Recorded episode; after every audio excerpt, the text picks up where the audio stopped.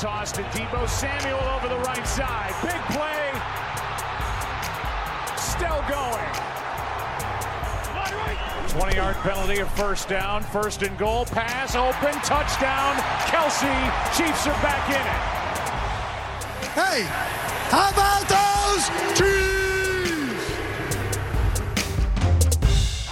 Hej och välkomna till ännu ett avsnitt av veckans NFL med Mattias Olsson, Lasse Thorman och Rickard Olsson när vi ska sammanfatta Super Bowl och den här säsongen. Jag såg här precis innan vi spelade in att det här är vårt 222 avsnitt och kan ni gissa vilken tränare som tog sin 222 vinst här i helgen?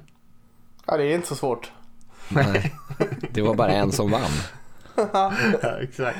Alltså, uh, Andrew det... Reid såklart. Men det, det är ett kul sammanträffande tyckte jag nu när vi skulle sammanfatta den här matchen där Kansas City Chiefs såklart vann årets Super Bowl. Hur är, är läget med er förresten innan vi kommer in på det? Jo, det är bra. Jag eh, tog precis lite överblivet från Super Bowl-kvällen. En, en, eh, stor bit med Key Pie här. Så jag var lite så här, blev lite för sött här nu innan vi började spela in. Men eh, väldigt gott att kunna leva på det ett par dagar. Eh, resterna. Kommer du sitta och sockerskaka hela, hela inspelningen? Ja, lite så. Blev till sig här. Mm. Ja, men, men det, det kändes fint. Vardagslyxen sån här sketen tisdag.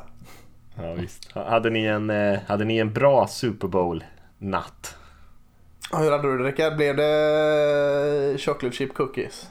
Uh, ja, men jag åt inte en enda för jag gick upp och sen så liksom tänkte jag så här, ja men jag stoppar in dem i ugnen uh, strax och så tog jag en påse uh, Skiddles och så satt jag och tryckte Skiddles tills jag typ mådde illa. Och så, så... Ja, det blir så jäkla sött. Ja, det var alldeles för mycket och så direkt. När du skrapar av sockret från tänderna. ja, det är ju typ så. Jag sov ju innan också så jag gick så upp, vaknade lite så halvt sömndrucken, kom ner för trappan och så var men jag tar lite godis här för att vakna till. Eh, då mådde jag snarare illa. Eh, men... Eh, Pizzan då? Nej, jag kunde inte göra den heller. Så egentligen så åt alltså, jag typ du... bara mitt godis och så tvångs åt jag en halv kaka eh, bara för att jag var tvungen att smaka dem när de var färdiga. Eh, ah, och sen glass förstås.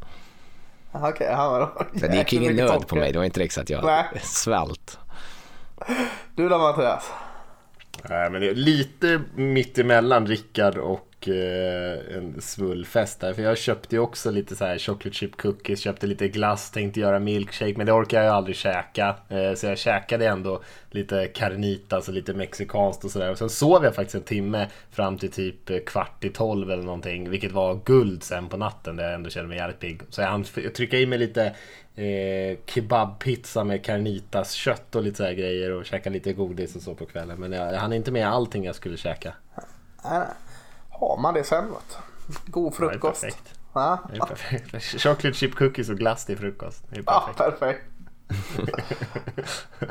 ja, det, vi ska såklart sammanfatta den matchen. San Francisco 49ers mot Kansas City Chiefs. Eh, där Kansas City Chiefs eh, drog det längsta strået och vann med 31-20 blev det väl i slutändan. Eh, satte ju in en, en extra touchdown där på slutet.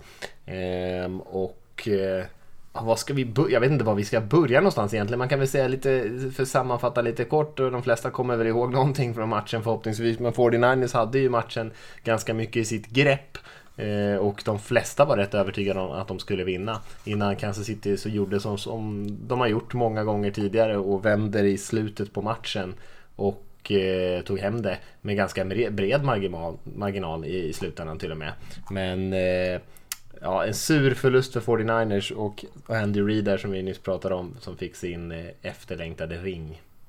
Mm, jag sa det faktiskt till kompetens som hejar på Chiefs eh, att eh, det här är inte bra för Chiefs för de börjar ju för en gångs skull ganska bra Chiefs innan San Francisco liksom tog förarsätet. Liksom, och med tanke på hur eh, Chiefs har sett ut i det här slutspelet när de har totalt rasat första kvarten och sen eh, vunnit enkelt. Så tänkte jag nu är det någon omvänd här om Chiefs nu börjar bra, vilket de gjorde, så, eh, så äh, det här kommer inte sluta bra. Och min analys höll ju fram till tredje kvarten. Men, men äh, sen så eh, ville Mahomes och Chiefs försvara annat. Så att, äh, det var ju lite annorlunda match om man ser ur, ur Chiefs ögonen. Mm, det, det finns ju, de, de gillar ju och statistik och sånt i NFL och det, då räknar jag alltid ut sån här win probability. Och ah. Kyle Shanahan är som var headcoach här och offensiv koordinator när Falcons tappade det där stora överläget mot ah. Patriots. Då har de ju räknat ut att i den matchen så hade ju Falcons en 99,7% vinstchans när de hade den stora ledningen. Ah. Och i den här matchen så hade 49ers en 96,1% eh, vinstchans och så förlorade hans lag då båda de matcherna och eh, det är många som är kritiska mot Shanahan och vi kommer säkert in på det lite grann men man kan ju åtminstone inte påstå att det var enbart hans fel att de förlorade de matcherna. Den första tycker jag kanske inte alls var hans fel och det här, eh, det är klart det finns grejer han kunde gjort bättre men eh, ja, det var mycket saker som hände som han inte kunde kontrollera kanske. Vad sa du? 96,1 96, det låter väldigt, väldigt mm. högt ja. ändå. Mm. För det var ju inte helt, alltså en jäkla mäktig upphämtning. Men, men inte helt eh, absurd tänker man till Chiefs också. Ja, rent statistiskt Nej. så låter det ju högre än vad man kanske själv sitter när man sitter och tittar på matchen och, och, och känner. Ja. För man vet ju vad Mahomes och anfallet är kapabla till så då kan man ju aldrig riktigt säga att att så stor chans har de att vinna när det ändå bara är 10 poäng. Nej, jag, skulle, jag tänker att siffrorna blir sådana för att det där räknar de ju ut på alla matcher som har spelat som mm. har varit liksom, i en liknande situation och då är det ju vanligast att det bättre laget leder. Mm. så att i de flesta fall så vinner ju de. Eh, jag menar, de, det, det, laget som ligger under är ju oftast inte Chiefs i de där uträkningarna. Mm, man ska ju stanna upp på, på Kyle Shanahan då. Hur tycker du? Du hade lite där saker han kunde gjort bättre sa du där Mattias. Hur, hur tycker du han tar sig an matchen? När han fick ju den här snöpliga när han var offensive koordinator för Falcons för tre år sedan. När, när New England vände och nu kändes han ju ändå som att han gjorde precis rätt fram till eh, Chiefs vakna upp. Vad, vad, hur ska man liksom om man analyserar inte bara känna han utan kanske hela gameplanen och och eh, den biten med 49ers, hur, hur gjorde de matchen? Vad, vad tappade de? Ja, alltså jag har ingenting emot deras playcalling i andra halvlek. Eh, de springer ju inte bollen så mycket som många skulle vilja, men eh, man kan, om man är sugen på det kan man ju gå in och läsa Bill Barnwells krönika på ISBN till exempel. Han har gått igenom alla spel där, där människor tycker att de borde ha sprungit bollen istället. Och ett av de spelen var den här avgörande situationen där de behövde plocka upp fem yards och fick eh, George Kittle sin tight end på, på Suggs en mot en i man mot man och Chris Jones sen slår ner bollen. Så det är liksom självklart att de ska passa i den situationen.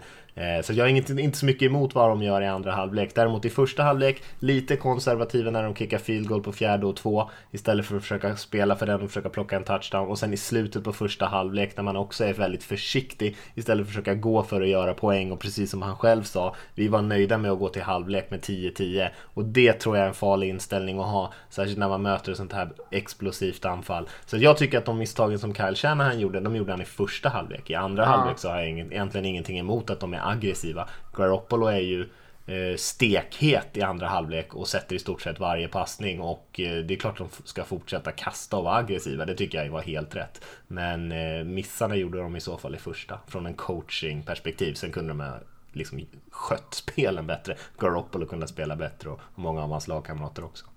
Håller du med där Rickard? Alltså, jag, jag har ju full förståelse för att man är konservativa i slutet av första halvlek. Man kan gå in i halvlek med 10-10 och håll, liksom, så som matchbilden såg ut då så hade försvaret en ganska bra, eh, de kontrollerade eh, Chiefs anfall på ett väldigt bra sätt. Så jag tyckte inte att man började känna sig stressad där att jaga poäng som man annars tänker att så här, vi möter Chiefs, vi måste slänga upp 30 poäng för en chans. Så eh, jag förstår ändå att man är restriktiv. Var det inte då också de fick den här flaggan för eh, offensiv pass offensiv, interference? Ja. George Kittle där. Hade de satt den då hade de ju plötsligt varit väldigt mycket längre ner i banan. Eh, men ja, absolut, han kanske lät klockan rinna iväg lite alldeles för mycket. Ja, ja det är möjligt. Vad om vi vänder på, på situationen och hur uh, Andy Reid var ju betydligt mer aggressiv uh, om du tar det att han sparkar field goal på, vad var det, fjärde och två, fjärde och tre? Eh, känner han. Så eh, gick Landy Reed ut och körde på fjärde och kort två gånger eh, i första mm. halvlek. Eller jag kanske, kanske var andra men ganska tydligt spela mer aggressivt, mer eh, vinnaren tar allt mentalitet kanske. Ja, jag tycker det. Eh, och det är klart, de är ju är det typen av lag också. 49ers är ju lite annorlunda kanske byggda, men det är ju ändå eh, en av de skillnaderna som som ändå var viktiga i den här matchen tycker jag. Sen är det ju, det är klart, Andy Reid kanske rent coachmässigt har gjort bättre matcher också. Mm. Eh, de var ju terroriserade här. Jag skulle säga att 49ers totalt dominerade Kansas Citys anfall i stora delar av den här matchen. Och när man får sitt stora, långa, avgörande spel så är det ju en en fin speldesign såklart, eh, men framförallt lite geni från Mahomes Eh, och, och sen också lite flyt att det spelet faktiskt också sitter. För annars gör man ju inte sådär jätte, jättemycket förrän precis i slutet på, på matchen. Är det bollen till Hill du pratar om eller? Ja exakt, den långa passningen till. När han står, i, han står i shotgun, tar emot snappen, tar typ 10, droppar bak typ 10 steg. Det ser ut som när, när man spelar med den första gången. Eh, och så, så bara bombar han den så långt han kan, vilket är sjukt egentligen. Eh, men det, det säger en del om vilken pass rush som 49ers hade på honom. Att han kände så här, ja men jag måste verkligen backa ner. Jag måste liksom, från line of scrimmage måste jag 15 meter bak innan jag kan kasta iväg på den. Eh, ja, Hills ja. fart. Det leder ju in oss lite grann, det leder in oss lite grann på en av huvudpersonerna som är Patrick Mahomes såklart. Som också blev MVP, som kanske gör en av de sämre matcherna eh, han har gjort eh, i sin karriär än så länge. Mm. Och det är ju såklart, han möter ju ett väldigt bra försvar. Det är en extremt tuff situation som han är i och det ska man ju inte glömma. Alltså jag menar, han är ju under enorm press nästan varje spel. Men han har två fumbles, två interceptions. Båda sina fumbles får han väl tillbaka va? Ja. Eh, men, mm. men eh, kastar också två interceptions. så att han har ju lite flyt att båda de där famblasarna. Eh, i alla fall den ena är ju väldigt tur att han, att han får tillbaka. Eh, eller att eh, hans lag Chiefs får tillbaka. Men, eh, men hans två interceptions, den ena är ett dåligt kast bakom Hill och den andra Ja, det vet jag inte riktigt vad han håller på med. Faktiskt kastar han rakt i armarna på Fred Warner, linebacken i 49ers.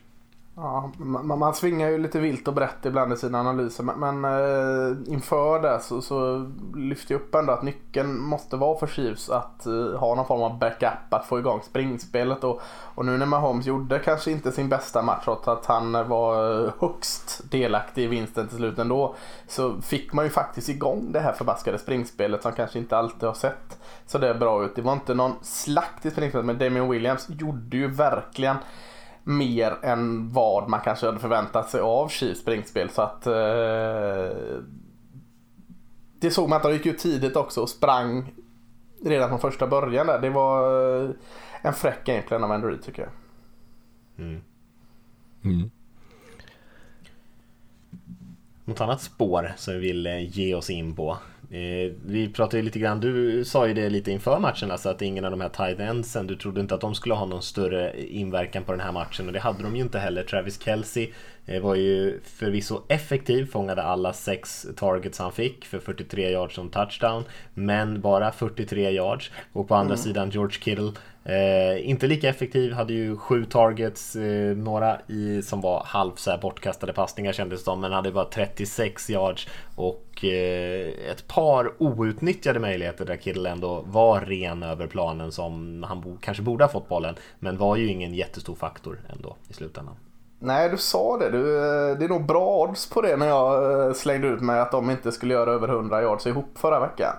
Uh, skulle satt en slant på det, mm. helt klart. Så, ja, uh, men det var väl lite så matchen såg ut. Alltså, båda lagen är bra på den delen av, alltså försvaren är ganska bra på den delen av planen. Att uh, framförallt då uh, San Francisco 49ers snabba uh, linebackerspel så, så kändes ändå ganska väntat. Kanske inte att det skulle vara så lågt med men eh, ja, hade det inte blivit pass interference där som jag inte tycker det är på George Kittle så hade han gjort uppemot 100.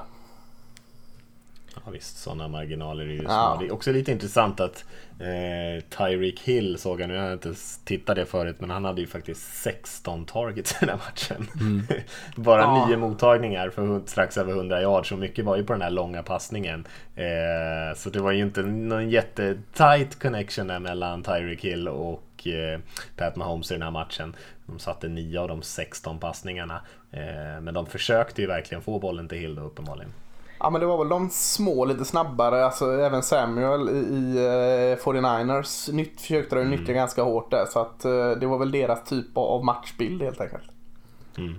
Ja, visst, visst. 49ers gjorde ett jättebra jobb i att liksom ta bort de här enkla liksom, crosserserna där de bara springer över planen i någon enkel liten drop-off mm. passning där man ger Hill bollen i full fart. Eh, det lyckas de stoppa relativt bra. Eh, så då måste de hitta andra sätt och det är då han kanske är mest van vid att skapa sina största spel. Att han, när han får bollen i full fart eller när man bara bombar djupt på honom, vilket i och för sig funkade också mm. en gång. Eh, mm. Men det säger också kanske en del om hur effektiv 49ers försvar var på att plocka bort Travis Kelce. nu pratar du Lasse om att han har inte så mycket yards. Och det är honom de egentligen vill gå till i så avgörande mm. tillfällen. Det är han som ska ha flest targets egentligen för han är deras mest pålitliga eh, mottagare.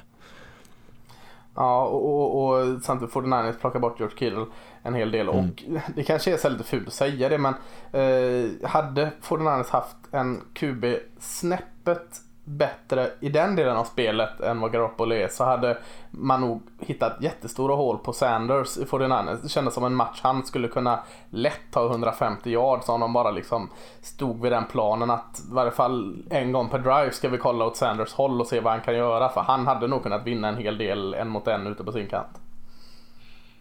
Mm. Vi har ju nästan helt oplanerat hamnat in eh, på någon upplägg där vi hoppar från huvudkaraktär till huvudkaraktär ja, i den här matchen. och Jimmy Garoppolo. Nej men det, jag tyckte det var perfekt. Det var ju som en riktigt snygg radioövergång där. Det var ju Garoppolo tycker jag är den sista personen som vi kanske ska ta upp i alla fall eh, innan vi ändrar det här temat som jag snubblat in på. Men för han eh, tycker jag ändå gjorde en hyfsad match. Eh, hade ju en olycklig interception i början på matchen där och sen Eh, så spelade han ju väldigt bra, särskilt i början på andra halvlek. Eh, men sen så fick ju chans, eh, hade ju faktiskt San Francisco chansen att vinna den här matchen. Leda anfallet från sin egen 15 yards linje, hade gott om tid, gott om timeouts. Garoppolo hade den möjligheten. Men man hann egentligen inte komma någonstans innan det tog slut. Och Eh, det var väl lite det som många har varit lite rädda för med Jimmy Garoppolo. Han är bra när han har mycket stöd omkring sig. Springspelet funkar hyfsat och de respekterar det. De vet, visste att de hade ganska långsamma linebackers i Kansas City och det här play action passningsspelet över mitten funkade ju ganska bra med Garoppolo. Men när han var tvungen att leda sitt lag i en tuff situation mot en defensiv linje som faktiskt spelade riktigt bra i slutet på den här matchen ifrån mm. Kansas City och var nästan lika överlägsen som 49ers defensiva linje var i början på matchen. Eh, så lyckades han inte. Nej. Han, I fjärde eh. kvarten så han, kastar han åtta passningar, han sätter tre av dem för 36 yards och så kastar han en interception. Mm. Ja, det, då det är, är inte bra. Då är det svårt, nej, då är det svårt när, när den andra parten liksom har kommit igång. Mm. Eh, och, men det kändes så. Var det i, eh, hur mycket ledde 49ers med in i fjärde kvarten där? Det var en del va? 20-10 va? Ja, eh, ja och när Mahomes kastar sin, är det andra eh, interception? Jag, jag vet inte. Men då kändes det väldigt uppgivet ett tag i Kansas City. det var nog när han kastade sitt andra pick. Alltså, det var Sammy Watkins slängde någon hjälm i marken. Mahomes såg så här liksom eh, tom ut i blicken, kollade upp mot läktarna. Och det har jag inte sett alltså när, när eh, Chiefs har legat under mot både Tennessee och eh, Houston var det var man ganska mycket. Så jag har inte alls sett den tendensen. Det kändes det liksom som på riktigt att den här matchen håller på att rinna ifrån oss. Och då noterade jag i alla fall att eh, Frank Clark, som var bra, men liksom att han jäklar vad han tände det här försvaret. Eh, han gick runt och var riktigt så här tyken som Frank Clark kan vara och, och, och kaxa sig. Alltså vi, jag vet inte vad han sa men, men liksom han tog lite eh, försvaret under sina vingar. Att Mahomes kommer igång. Fan, vi stoppar dem här nu. Så, eh, mycket cred ska vara till Frank Clark. Inte kanske mest statistiskt, men, men jag tyckte han var den liksom som eldade på sina spelare i, i Chiefs-försvaret. Så att, eh, det var något jag noterade i alla fall. Ja, ju... mm, även Honey Badger ja. hade ju lite av en sån roll också. Såg ja, precis. ja, precis. Mm. Så, så försvaret alltså, Chiefs försvar har vi kanske eh, klankat ner på lite under året. Med, med all rätt. Det, det är inte någon sån mesta försvar sett över en hel säsong. Men, men ja, vi har nog också lyft upp det alla tre att eh, ibland så, så, när de verkligen behöver lyfta sig så är de ju jäkligt bra. Så, och det här var ju en sån. Eh, de stod nog mer för vändningen. De gav Mahomes och, och Hill och de chansen att vinna detta. Eh, så de lyfte sig när de verkligen behövde det som mest. Den där typen av game changers, liksom att ha en ja. spelare som kan på något sätt eh, påverka så mycket, eh, även fast man bara är en av elva. Och, och ha då Frank Clark och eh, Honey Badger och Mattias din lilla älskling där, Chris Jones på insidan som spelar mm. jättebra också. Eh, alltså då har man ju ändå, då, när de blixtrar till då kan de ju verkligen påverka en match. Ja, verkligen. Så, äh, det var tydliga liksom, tendenser att fan, försvaret tog tillbaka Chiefs och lät Mahomes och, och offensiven vinna. Mm. Mm. Men det är ju också byggda för just den här typen av match. Alltså eh, ta ledningen med sitt explosiva anfall och sen döda matchen med sin pass rush alternativt eh, jaga ett liksom passivt lag. Eh, med, med Clark, investeringen och allting som de har gjort. Eh, mm. Så har de ju den typen av spelare. Ja, helt klart. Eh, finns det någonting mer vi ska säga om matchen? Ska vi säga någonting om... Eh, vi kan väl avsluta det kanske lite grann om, om coacherna där. Jag menar Kyle Shanahan. Eh, jag såg att det var några 49ers fans där som ville att de skulle byta coach. Eh, otacksamt ibland när man inte vinner. Eh, tagit ett 4 12 lag till Super Bowl och nästan vunnit. Eh, jag ska tänka inte kommentera det. Men däremot Andy Reid kanske mer intressant. Han tar det här sista grejen som han behövde. Är ju en och, redan en av de mest framgångsrika tränarna i NFL-historien rent vinstförlustmässigt men saknade titlarna. Nu har han den här och känns ju som en solklar Hall of Famer redan. Ja, och vara lättig och liksom heja på, jag tror du sa det Mattias, eh, du hejar på 49ers och Andy Reid och eh, jäklar vad man är lättig och heja på Andy Reid liksom. Man tar hans parti att eh, fan nu får han äntligen vinna så, så det, jag hade behövt gå och lägga mig så fort matchen var slut men jag satt ändå kvar där och kollade massa spelarintervjuer och, och, och för att få se Andy Reid liksom. Och det var, han är ju väldigt lätt att unna den här segern. Ja, väldigt likable tyvärr. Mm. Spelar i fel division bara. Ja, tyvärr. Eller coachar fel lag i divisionen.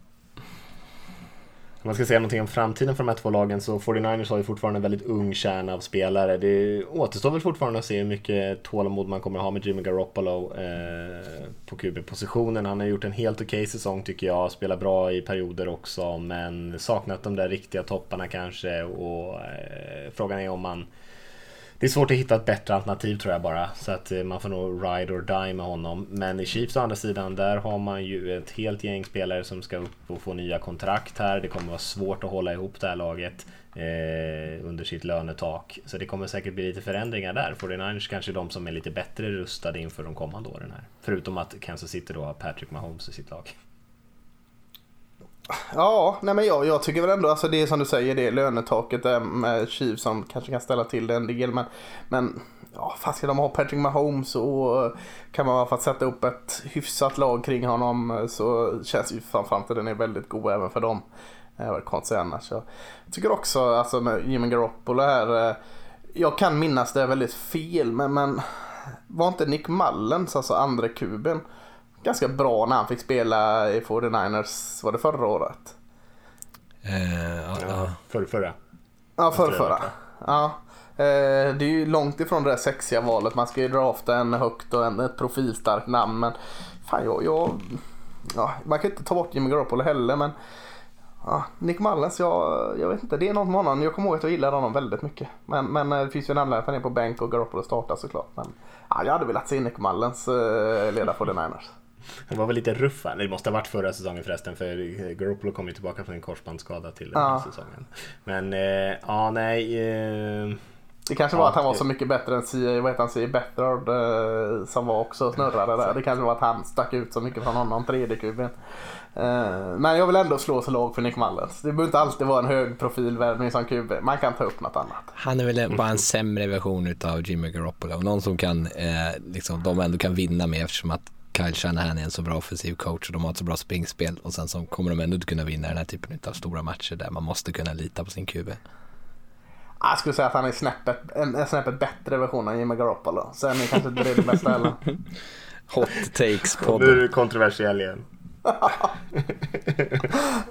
Hörrni, om vi ska eh, säga någonting om eh, den här säsongen, kanske knyta ihop lite säcken på den. Jag vet inte vad man ska säga om den, det är svårt att göra det såklart. Vi har precis spelat färdigt den. En lång säsong, mycket stories där. Eh, jag vet inte, vad, vad, vad, vad, vad känner ni? Vad, liksom, vad kännetecknar säsongen? Vad kommer ni minnas från den? Går det att göra några sådana redan nu? Browns är fortfarande Browns. Är inte det en uh, tydlig start på att riva av en uh, recap 2019? Lite så ju. Ja. Ja. Vad har vi mer? Uh, jag tänker mig en större klyfta med alla de här sopiga lagen och toppen. Det känns som att det nästan bara växer och växer för varje år nu. Att det finns liksom fler lag som är helt eh, hopplöst dåliga och som inte har en chans på de här jättebra lagen. Det var ju fler lag som slogs om att liksom drafta första valet kändes det som, en som var seriösa liksom, titelutmanare. Ja, men det konstiga är att det är inte samma lag som är sopiga från säsong till säsong. Det är bara att det, de byts ut lite. Alltså, mm. Ta ett lag som Tennessee Titans kunde lika väl varit där nere och svingat. Nu, nu smög man under radarn hela året. Har inte de fyra år i rad fått slutat 9-7 förresten?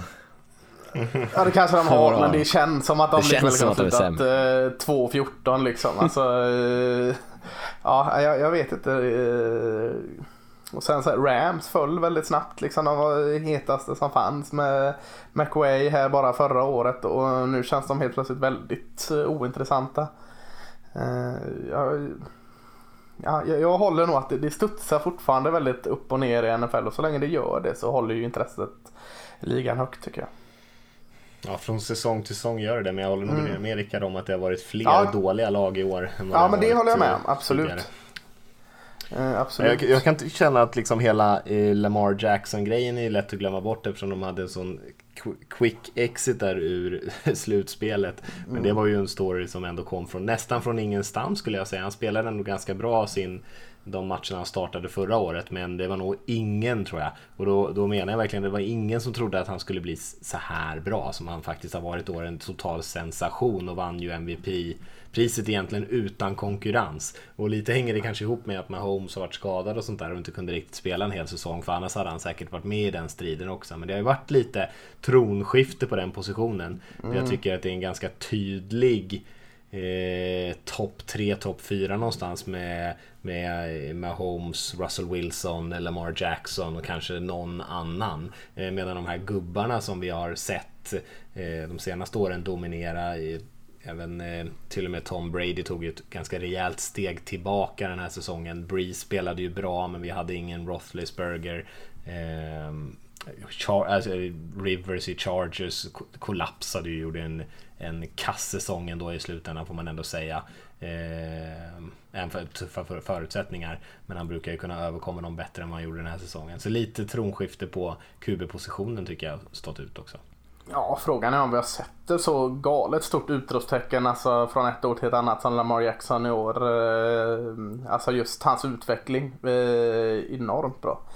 Eh, men jag tänkte just det när inne på quarterbacks. Eh, Lamar Jackson är såklart lätt och tronskifte kanske man kan prata om. Men det har ju ändå varit ett helt, en hel hög med nya quarterbacks. Alltså kanske inte nya draftpicks men, men nya som liksom fått sin tid i rampljuset. Och vissa, det är inte det är en del frågetecken bakom ändå. Kylie Murray har gjort det bra, eh, men frågetecken. Gardner och Daniel Jones, Dwayne Haskins, Drew Luck. Jag vet inte om man ska slänga med Kyle Allen i den högen. Men ganska många liksom nya namn som man får spela i varje fall. Mer än eh, liksom en till två matcher när det är kört. Och eh, det är inte mycket wow bakom dem jag nämner upp där. En del spännande eh, delar helt klart men känns ju inget som de går in där och tar tronskiftet direkt. Det känns ju lite som att Lamar Jackson också stal uppmärksamheten från alla andra QBs i NFL. Alltså lite på det sättet känns det som. Alltså även de som gjorde bra säsonger så är det, är det ingen som man pratar om direkt. Eh, jag tänker Nej, Wilsons det... säsong till exempel är det ingen som pratar om. Och det är ingen som pratar om Kylie Murrays faktiskt väldigt bra rookie-säsong. Ja. Inte spektakulär kanske som liksom Robert Griffin och några av de här vi har sett tidigare. Men ändå en väldigt bra rookie-säsong. Och Daniel Jones som du sa där hade ju någon match med liksom fem touchdowns och sådär. Eh, men det, man, det känns som inte som man har pratat om någon annan QB än Lamar Jackson den här säsongen. Nej, Gardner Minshew fick en del eh, för hans mm. karaktär kanske mer Tills han blev bänkad. Ja, precis. Uh, ja. Kan väl lägga till när man pratar om Kubus då Mattias, när du pratar om dem, när du liksom listar de fem bästa eller om man bara tänker sig typ så vi har Lamar Jackson vinner MVP, vi har Kylie Murray vinner offensiva rookien, vi har Mahomes, han är Super Bowl MVP, vi har Russell Wilson, han var snackig MVP, vi har Deshaun Watson, han var snackig MVP innan Lamar sprang iväg med.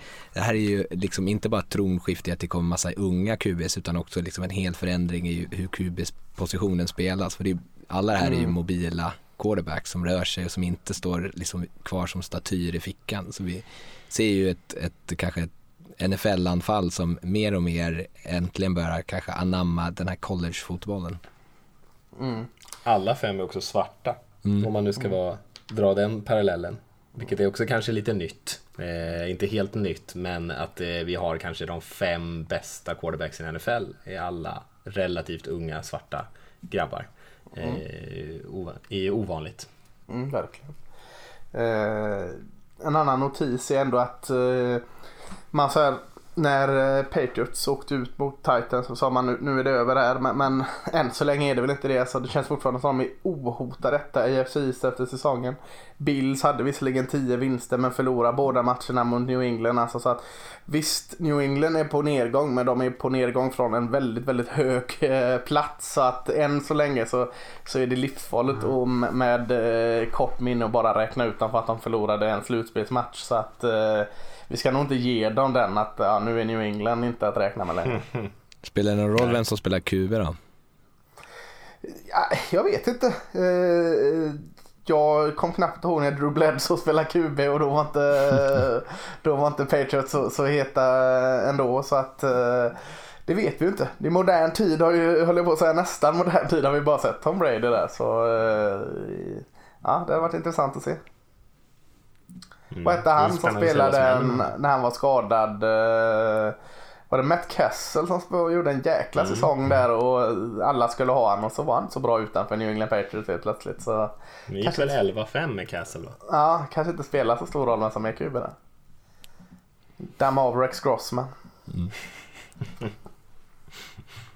Ja, nej, det ska bli faktiskt spännande vad som händer med Patriots eh, för en gångs skull. Det känns inte riktigt lika som på tidigare år, men det kommer väl inte hända så mycket säkert. Brady signar om där nu, han har inget mm. kontrakt just nu eh, och sen så är allting som vanligt igen. Så jag såg att, såg att, eh, ska man säga Las Vegas Raiders nu eller? Ja, det är det officiellt.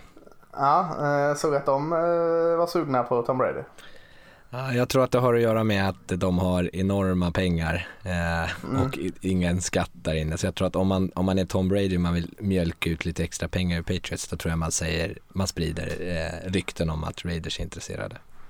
Ja, ja, jag försökte ju peta hål, förra året skulle ju eh, Gruden drafta Kylie Murray för att det var liksom perfekt QB, precis den typen av spelare han vill ha och nu så är det Tom Brady för de är ju verkligen exakt samma typ av spelare.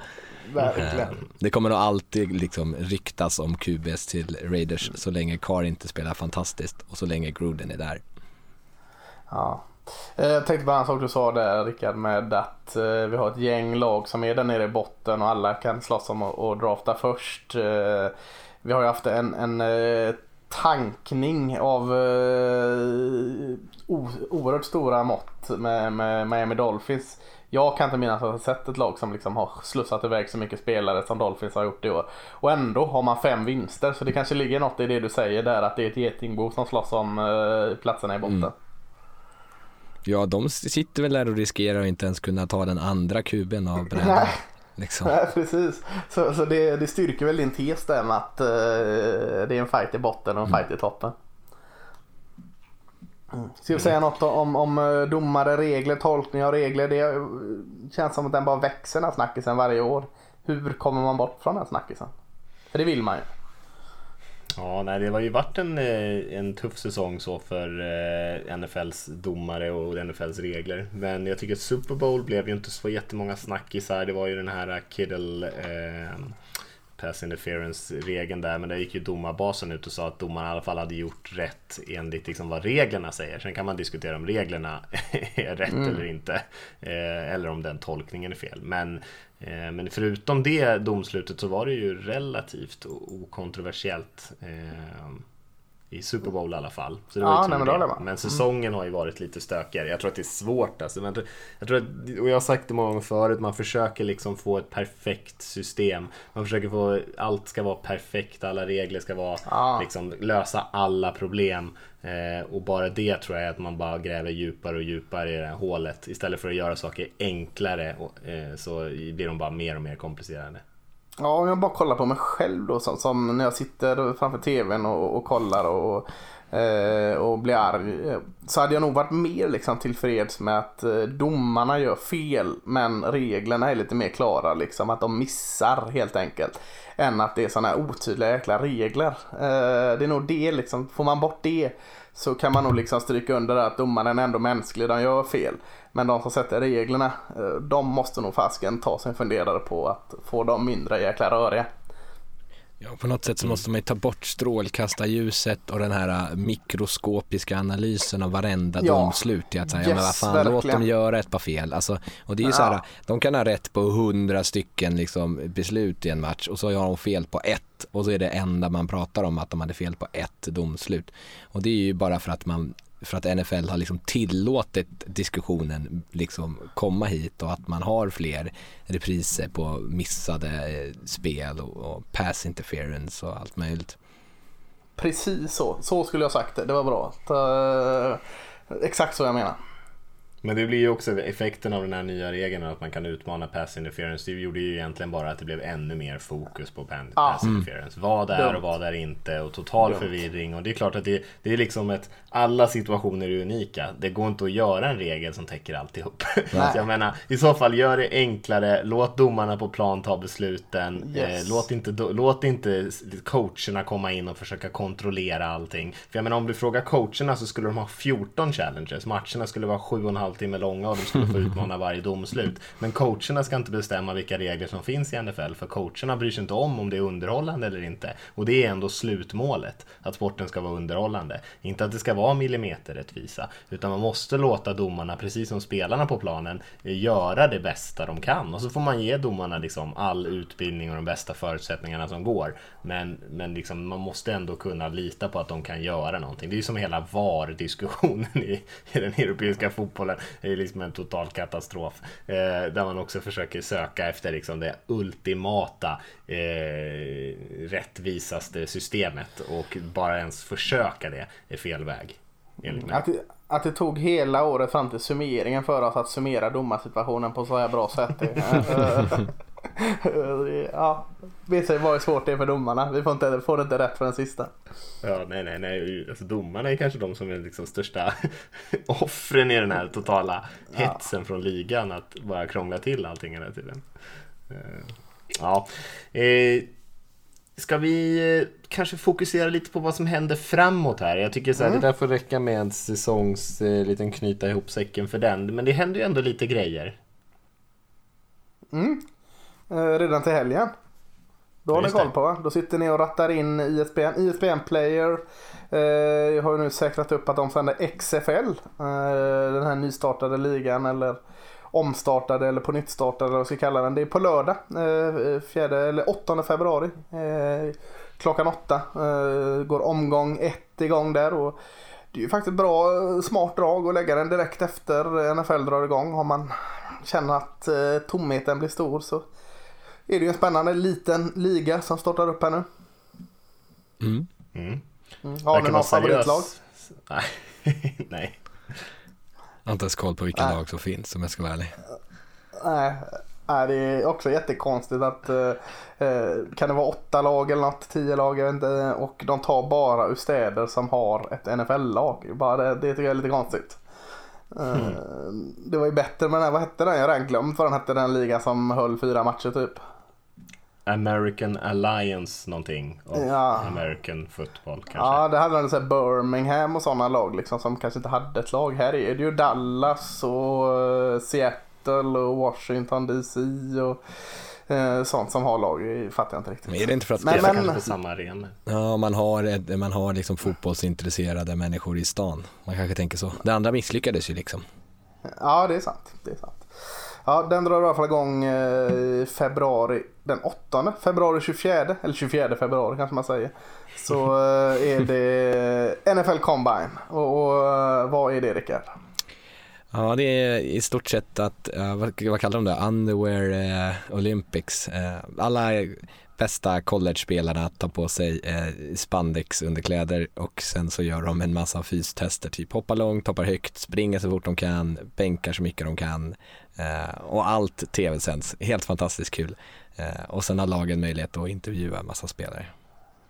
Ja, det är nästan så att de kollar så stamtavlor på spelarna och sånt. Ja. Alltså, det är någon sån här boskapsaktion eh, i, på Lucas Oil Stadium där i Indianapolis. Eh, ja, det är en av de sista chanserna för eh, college-spelarna att liksom stärka sina eh, positioner inför draften. De har ju också pro days eh, vilket betyder att de får visa upp sig lite på sin college campus också. Men combine är väldigt roligt, drar igång 24 februari. Sen 18 mars tror jag va? Då är det, börjar NFL Free Agency. Alltså spelarna får uh, uh, signa upp uh, kontraktlösa spelare vars kontrakt har gått ut och återsigna spelare och sådant. är det någon du hoppas på där Mattias till Seahawks? Någon uh, pass rusher kanske? Mm, ja, jag skulle gärna se Ngakwe där, Yannick Ngakwe från Jaguars till Seahawks, men vi får väl se. Mm, förutom Tom Brady, vem hoppas du på Rickard? Eh, Marcus Mariota. Uh, ja, precis. Fan, Han är inte free Skulle inte förvåna mig. Uh, nej, men jag kan tänka mig, jag skulle också kunna tänka mig Yannick Ngaku, vi skulle behöva lite pass rush. men annars, det snackas ju lite om han Robbie Anderson från Jets, att få in lite, en ja, lite speedy receiver där när man inte har lyckats med Tyrell, Williams. Ja, nej, men det, det kan jag se framför mig. Mm. Känns som en Raiders-spelare. Mm. Har du någon egen favorit nu när du har varit så artig här med frågorna? Ja, jag tänkte på det när jag började ställa frågan. Att jag har ju faktiskt inte riktigt eh, kollat vilka som är free agents riktigt. Jag är ju inne i, i eh, draften i skallen här men eh, eh, någon corner eller safety hade jag välkomnat eh, med öppna armar. Eh, jag har sämre koll på om det finns några sådana heta ute på marknaden. Vi släpper väl en corner, ska ni inte signa om honom istället? Baron Jones. Ja. Vi, har inte råd, vi har inte råd med det. Nej, okay. uh. Signa någon lite billigare och sämre spelare istället. Det är ju kul. Uh, billigare och lika bra. Baron Jones har haft lite dipp i år. Uh, ja, nej men uh, spännande att se och, och, det leder ju lite upp till 23 april där vad vilka, vilka lag som har behov för vad. För då är det ju uh, segel, segeldraften när man ska åka båt i Las Vegas och, och bli vald. Eh, då är det NFL-draften i Las Vegas. Eh, först ut Cincinnati Bengals va? Ja. Som väljer Joe Burrow. Och så sen kommer någon, något lag, vilka är sen? Redskins som väljer Chase Young.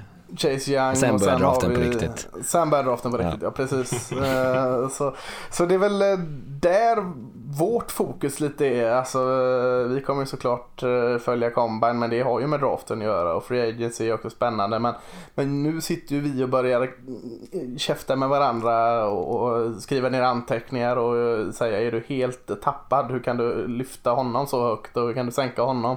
Så, så nu är det ju varje fall min och Rickards tid, du är ju van vid framgång och leva långt i slutspelet Mattias. Men jag och Rickard vi, vi börjar ju någonstans vecka 16 med att drömma oss bort i draften här.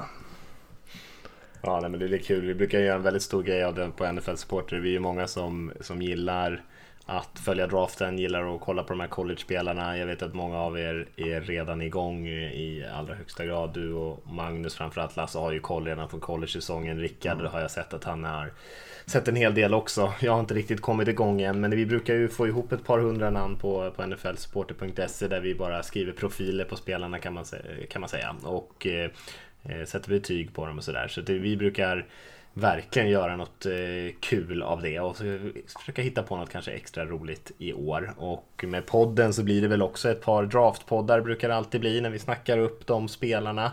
Eh, och såklart så, som du sa där Lasse, så bevakar vi också Free Agency såklart och släpper allting som händer kring det.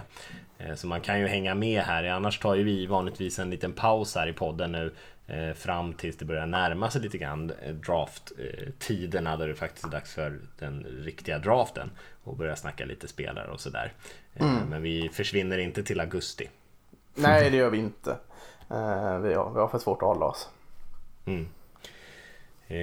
Så att det finns ändå mycket att se fram emot, även fast Super Bowl är slut. Den här säsongen är slut, ännu en in the books och och långt till nästa så finns det ändå mycket att, eh, att njuta av både i Free Agency, vad som ska hända där såklart men sen draften är ju en höjdare och sen vips så är det liksom säsong igen så det brukar ju gå rätt fort det där fast det alltid känns som ett avgrundsdjupt hål och liksom en evighet tills det kommer någon amerikansk fotboll igen så, så eh, flyger de där månaderna förbi rätt fort.